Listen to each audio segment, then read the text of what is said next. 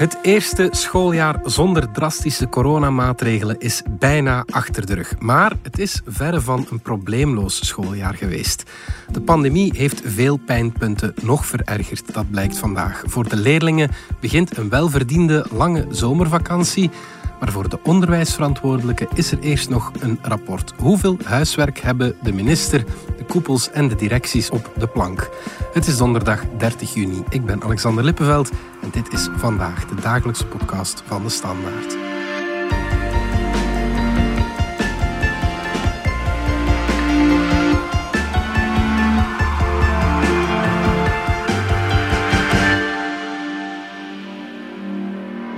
Klaas Maanhout van onze binnenlandredactie. Anders dan vorig schooljaar blijven de scholen een uh, heel jaar open.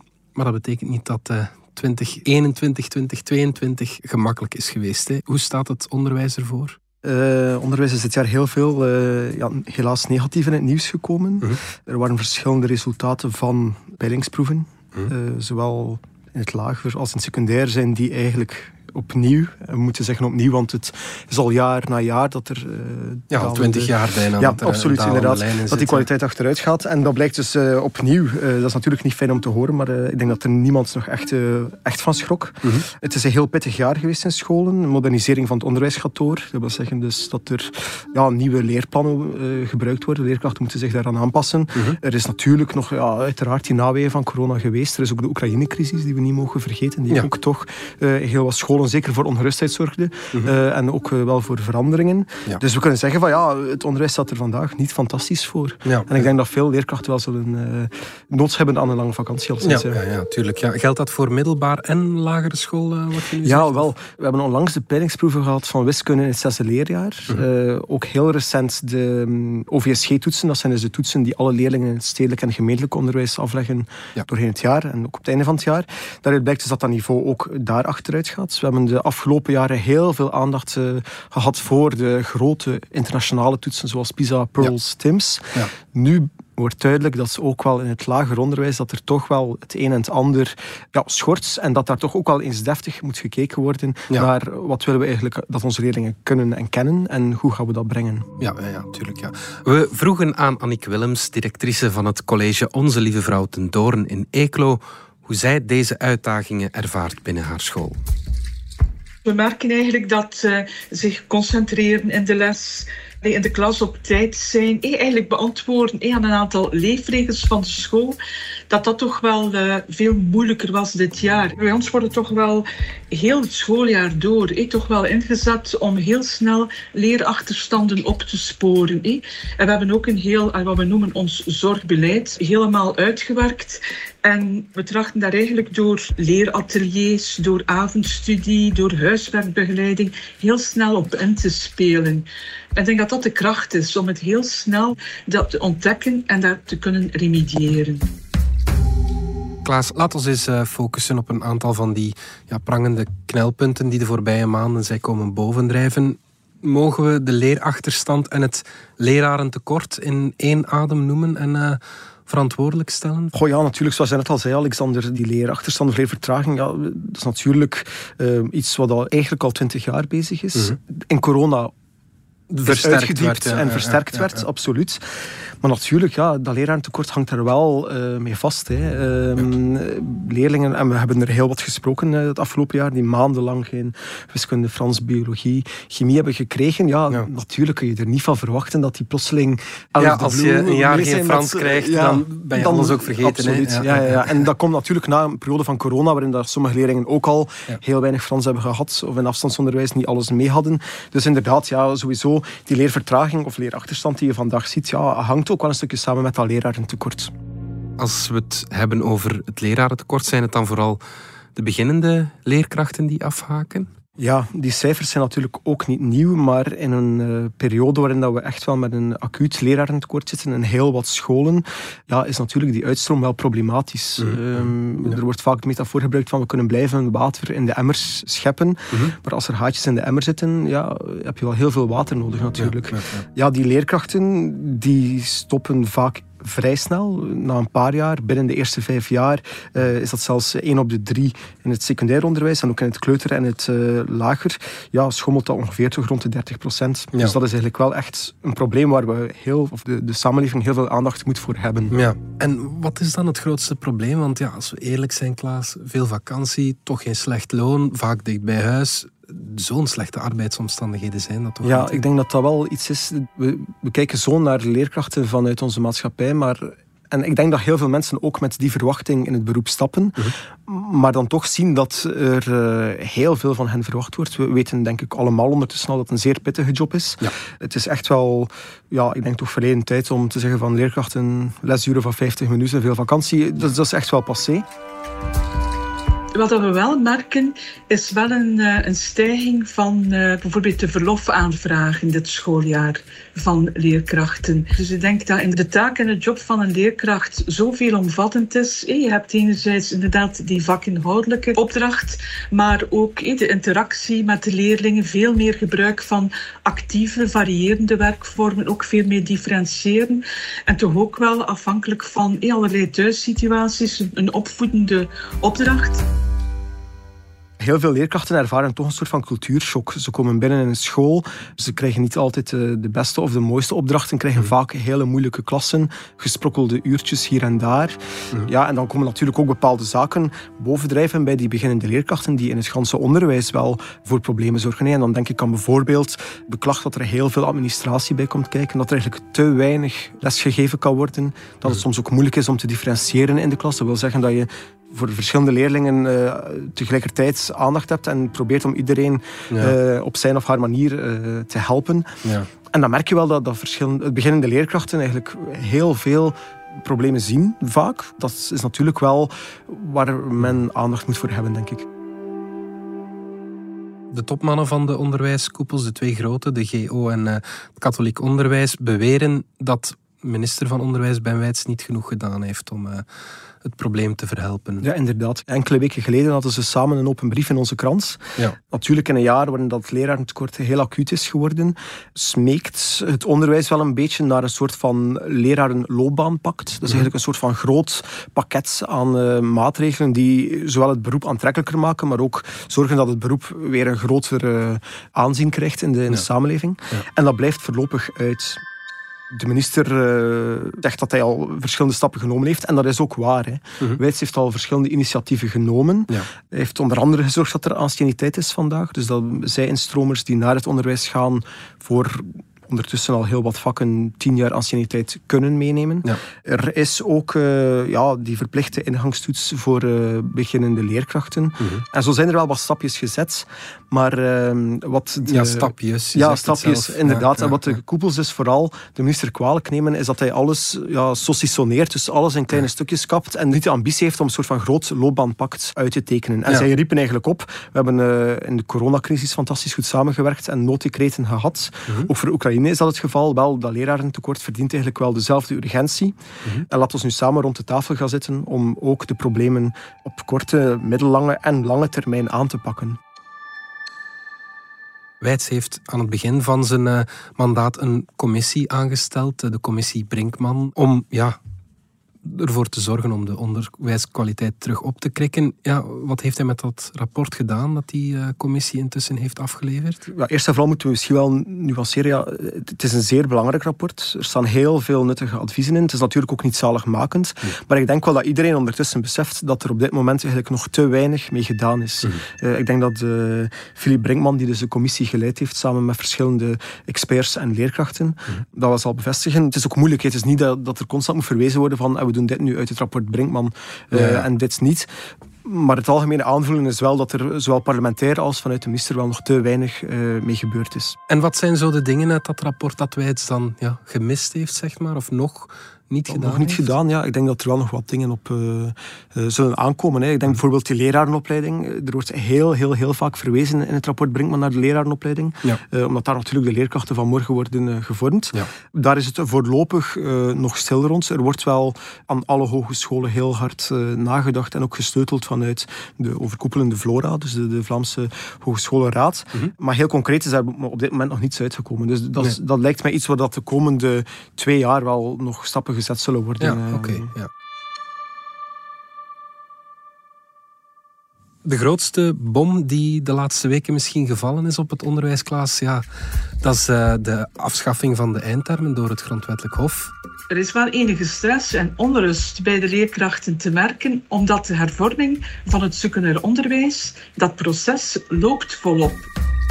Dat heeft toch ook wel een gigantische impact op het veld. Bij de interim is het altijd zo, het is voor heel veel mensen iets abstracts, maar het is eigenlijk wel iets fundamenteels. En mm de rest van uh, het grondwettelijk hof ja, heeft, is, is, zeer belangrijk voor iedereen die met onderwijs te maken heeft, ook voor ouders. Mhm. Want ja, in die eindtermen staat natuurlijk wat leerlingen moeten kennen en kunnen. In dit geval ging het om de tweede en de derde graad van het secundair onderwijs. Mhm. Het katholiek onderwijs, die wel betrokken was in de ontwikkelcommissies, dus die wel een zitje aan de tafel had. Zei op een bepaald moment, ja, eigenlijk is dit voor ons veel te veel. De ontwikkelcommissies hebben wel goed werk geleverd, maar allemaal op kleine eilandjes. En als we alles samenleggen, is het eigenlijk niet te doen. Ehm, dat werd heel snel duidelijk, vooral in de technische en beroepsscholen. Uh, leerlingen zouden daar onder meer ja, praktijkuren moeten inrullen voor uh, brede vakinhoud. Dat zegt ook directrice Annick Willems. Wij zijn een school met zowel ASO, TSO als eh, BSO-studierichtingen. En we stelden toch ook wel vast dat op niveau van het BSO, dat daar heel veel uren algemene vorming bij kwamen, tussen de vier en de acht uur. En ik kan u zeggen, BSO-jongeren, dat zijn er die vooral eh, heel praktijkgericht willen werken. En dat was toch wel een beetje gefnuikt. En het zou toch wel goed zijn dat daar de, terug de ruimte is om specifiek eh, aan de behoeften van leerlingen van die school tegemoet te komen. In het ASO waren er ook klachten. Hè. Leerkrachten ja. Duits, uh, esthetica, kunst. Zagen hun uren vaak ja, verdwijnen in die nieuwe lessenroosters. Uiteindelijk ja, heeft het grondwettelijk hof zich daarover gebogen. En blijkt dus inderdaad dat die set eindtermen te breed gaat. Dat eigenlijk te veel een soort van staatsonderwijs is. Dat, dat er te veel een programma wordt opgelegd waarbij dat de school te weinig vrijheid heeft om, uh, of de leerkracht te weinig vrijheid heeft om daar nog verder uh, mee aan de slag te gaan. Ja. En uh, ja, dat, dat, zal de komende jaren te pas en te onpas wellicht uh, opnieuw boven water komen. Hè, want de minister moet nu echt gaan samenzitten met alle uh, ja, onderwijsverstrekkers ja. om tot een nieuwe set eindtermen te komen. Ja. De vraag daarbij is, gaan ze van een leeg blad starten of gaan ze toch in de vorige set beginnen knippen en snoeien? Dat zal wellicht ja, de komende maanden wel uh, duidelijk worden welke richting ze uit willen. Ja. En ook dat zal weer een heel groot Absoluut, want die nieuwe eindtermen zijn eigenlijk de basis voor nieuwe leerplannen. En met die leerplannen gaat natuurlijk elke leerkracht in elke school aan de mm. slag. Dat vraagt ook heel wat voorbereiding. Uh, dat gaat ook altijd gepaard met nieuwe handboeken. De handboeken die er nu heel nieuw zijn, zullen dus wellicht binnen twee, drie jaar opnieuw verdwijnen. Ja. Dat betekent nieuwe handboeken, nieuwe oefeningen, opnieuw inwerken. Dus ja, het onderwijs wacht de komende jaren op nieuwe, ja. uh, heel wat verandering en vernieuwing. En is dat dan het middel om ja, ons onderwijsniveau opnieuw op te krikken? Voor uh, onze minister Ben Wijts, absoluut. Hè. Hij heeft de laatste weken bepaalde keren herhaald. Voor mij zijn zowel de lat van de eindtermen uh, hoger leggen als de Vlaamse toetsen die eraan zitten te komen. Ook een belangrijk thema komend jaar. Ja, dat, zijn de, uh, dat zijn de centrale toetsen, die alle leerlingen in Vlaanderen normaal gezien vier keer in een carrière zullen moeten afleggen.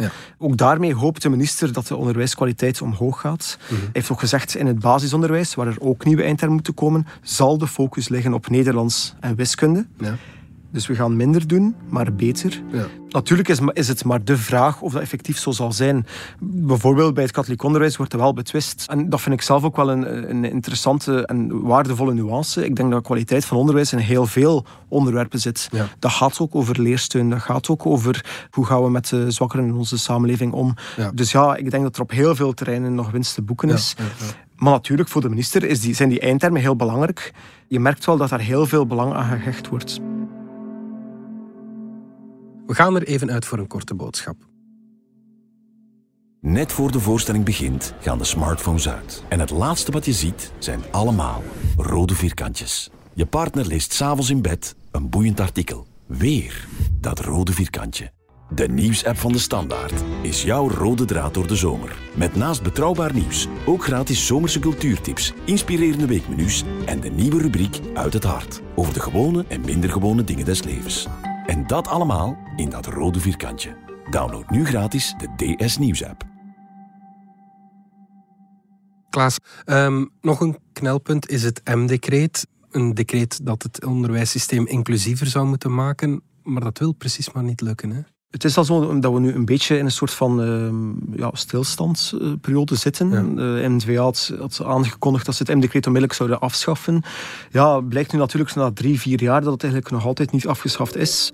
Inclusie wordt op dit moment niet echt gestimuleerd. Uh mhm. -huh. Je merkt ook de laatste weken of maanden dat het onderwijs al worstelt hè, met, uh, met inclusie. Er is uh, vanuit de minister aangekondigd dat er opnieuw extra geld zal gaan naar de bouw van buitengewone scholen. -huh. Mhm. Dat is zeer goed nieuws voor alle ouders en ja. kinderen die momenteel op wachtlijsten staan of ja. die zelfs geen plaats vinden uh, om de juiste ondersteuning te krijgen. Ja. Maar natuurlijk moeten we ons wel maatschappelijk de vraag stellen van ja, zet dan niet het idee van inclusie onder druk. De opvolger van het M-decreet, dat dus het leersteundecreet zal heten, ja, is vorig jaar al eens langs de Vlaamse regering uh, gepasseerd en dus de krijtlijnen liggen er. Mhm. Maar doorheen het jaar is er daar amper iets bewogen. Um, en hoe komt het? Verschillende partners weten eigenlijk ook niet hoe het komt. Ah, het is voor veel mensen een vraagteken. Het zal wellicht nog midden juli uh, een tweede keer passeren. Ja. Maar um, voorlopig is het tegen koffiedik kijken. Ja, ja, ja oké. Okay. Um, nu, niet alleen kinderen met extra zorgnoden die, die hebben het moeilijker. Het, is, het is eigenlijk een breder probleem. Ja, absoluut. Ik denk dat het ook iets is um, wat in corona heel duidelijk is geworden. Uit die cijfers van de Centra voor Leerlingenbegeleiding, dus de CLB's, blijkt dat ook. Hè. Er zijn heel wat angstproblemen en depressieve klachten gemeld. En dat lijkt voorlopig nog niet te stoppen. Dus je, je, zou wel kunnen zeggen daar dat die corona iets in gang heeft gezet en dat we daar nog uiteindelijk niet van gezien hebben. Dus uh, nee, het is inderdaad wel zo, denk ik, dat welzijn onder druk staat. Ja. En wat werd er gedaan om aan die vraag, uh, die zorgvraag tegemoet te komen? Ik denk wel dat corona ervoor gezorgd heeft dat op heel veel scholen um, dat mentale welzijn wel een prominentere plaats heeft gekregen. Dus dat scholen zich daar ook wel over ontfermen, daar bewust mee bezig zijn. Ik denk het leerstundecreet zal er ook voor moeten zorgen dat de CLB's een prominentere plaats krijgen. -huh. Die bossen op hun limieten. Ja. En, natuurlijk, en ja, dat waren de laatste jaren toch vooral contactcentra geworden ja, die inderdaad, uh, coronabesmettingen absoluut, dat klopt. Um, en natuurlijk ja, zit er natuurlijk ook een ganse tweede lijn achter, waar dat er heel vaak wachtlijsten zijn, -huh. waar jongeren ook niet snel binnenraken bij psychologen of uh, gespecialiseerde centra.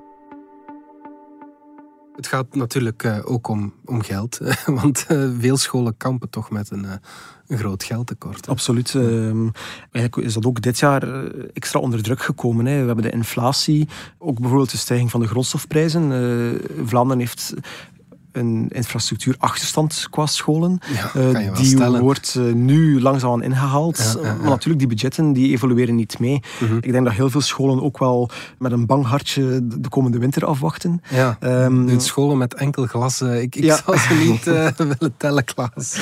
en... Um, ja, natuurlijk komt daarbij dat scholen uh, eigenlijk sowieso al een beetje ondergefinancierd worden. Ja. Ik denk vorige maand uh, trokken de onderwijsverstrekkers nog eens een alarmbel om te zeggen van ja, eigenlijk door een historisch foutje, uh, ik denk 15 jaar al geleden, ja, krijgen we eigenlijk niet wat ons toekomt. Mhm. dat zou op een totaal van 300 miljoen euro komen. Dat ze aan koopkracht verliezen. Dus ja, op zich speelt geld zeker een belangrijke rol, want eh, elke schoolbestuur moet die rekeningen maken en die zijn vaak niet makkelijk om rond te krijgen, denk ik. Ja. Mm -hmm. Er zijn een, grote school op een domein van 18 hectare met heel wat schoolgebouwen. Ook al heel wat nieuwe infrastructuur. We hebben ook nog een aantal oudere gebouwen, waar onder andere ook met de problematiek van eh, asbest. Ook ja, de energieprijzen die de hoogte ingaan, zal toch wel inderdaad een impact hebben op de begroting die we opgemaakt hebben. Dus we zullen niet aan die ramingen kunnen voldoen. En bovendien is het ook zo dat ja, de middelen die toegekend worden, heel vaak uh, gekleurde middelen zijn. Dus toegekend voor een, specifiek gebruik. Het zou ook handig zijn, mochten wij eigenlijk daar ook zelf gewoon één pot van middelen krijgen, om dan zelf te gaan bepalen van daar zetten we meer op in, daar minder. Dus om ook die vrijheid te hebben om die zelf helemaal uh, toe te kennen. Nu we dit hier allemaal opgelijst hebben, wat moet volgens jou de prioriteit zijn voor uh, de onderwijsverantwoordelijken?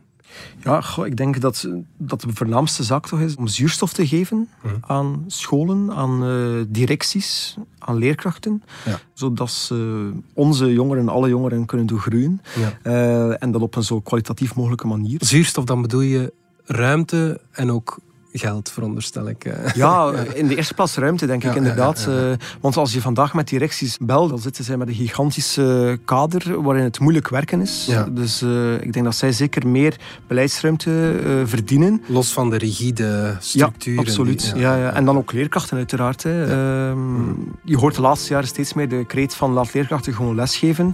Het is ook wel een van de ambities, of moet een van de ambities zijn om dat effectief ook waar te maken, zodat we die passie die er in heel veel mensen zit, gewoon kunnen laten overkomen of overbrengen naar onze leerlingen. Mm -hmm. Goed, Klaas Mamaat, dankjewel. Dit was vandaag de dagelijkse podcast van de Standaard. Bedankt voor het luisteren. Download onze app DS Podcast of volg ons op Spotify, Apple Podcast of eender welk ander podcastplatform. Alle credits van de podcast die je net hoorde vind je op standaard.be-podcast. Reageren kan via podcast.standaard.be. Morgen zijn we opnieuw.